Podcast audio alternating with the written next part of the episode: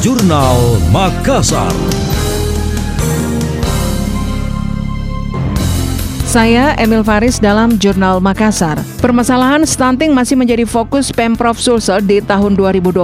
Melalui program aksi Stop Stunting, Pemprov Sulsel memberikan perhatian penurunan angka stunting di seluruh kabupaten kota. Kepala Bidang Kesehatan Masyarakat Dinas Kesehatan Sulsel, Husni Tamrin menyampaikan saat ini angka stunting di Sulsel terus menurun. Pada 2018, angka stunting Sulsel tercatat cukup tinggi, yakni 35 persen. Pada 2019 turun menjadi 30 persen. Penurunan stunting stunting terus terjadi. Pada 2020, stunting di Sulsel mencapai 11 persen. Data terakhir tahun ini, stunting berhasil ditekan hingga di angka 9 persen. Angka itu melampaui target penurunan stunting secara nasional yang ditetapkan yakni sebesar 14 persen. Menurutnya, capaian ini tidak terlepas dari sinergitas bersama melalui arahan PLT Gubernur Sulsel, Andi Sudirman Sulaiman. Sementara itu, PLT Gubernur Sulsel, Andi Sudirman Sulaiman mengatakan, aksi Stop Stunting ini akan melibatkan tenaga pendamping gizi. Mereka akan menetapkan menetap di desa yang menjadi lokus selama 8 bulan mendampingi keluarga yang terdata. Adapun total desa lokus penurunan stunting di Sulsel sebanyak 240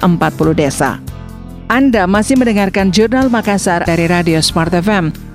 Kehadiran moda transportasi umum teman bus dinilai akan mematikan bisnis angkutan kota atau PT-PT di Makassar. Hal itu disampaikan Ketua Asosiasi Angkutan Darat Siganda Sulsel, Filiander Baan saat ditemui di kantor gubernur. Menurutnya selama ini teman bus mengambil penumpang bukan hanya di halte saja, melainkan di pinggir jalan, sehingga mata pencaharian supir PT-PT terancam hilang lantaran penumpangnya beralih ke teman bus. Felix mengaku pihaknya menerima keberadaan teman bus sebagai salah satu satu pilihan transportasi umum bagi masyarakat. Hanya saja ia meminta agar pengambilan penumpang teman bus harus di halte. Karena selama ini koridor 2 itu dari ujung bandara sampai Petarani kan habis ini PT-PT Daya. Jalurnya sama itu jalurnya. Artinya kita tetap bersinergi bersama, tapi jangan mengorbankan uh, moda transportasi yang sudah ada dengan program baru. Karena ini program bukan masalah barang antara mobil baru dengan mobil tua, tetapi masalah kehidupannya orang.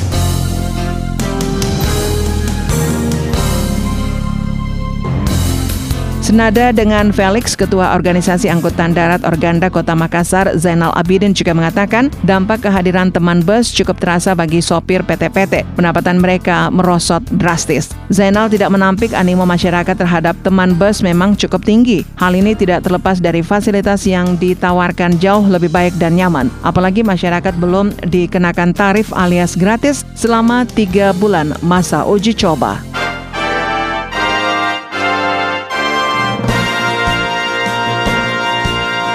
Demikian tadi, Jurnal Makassar.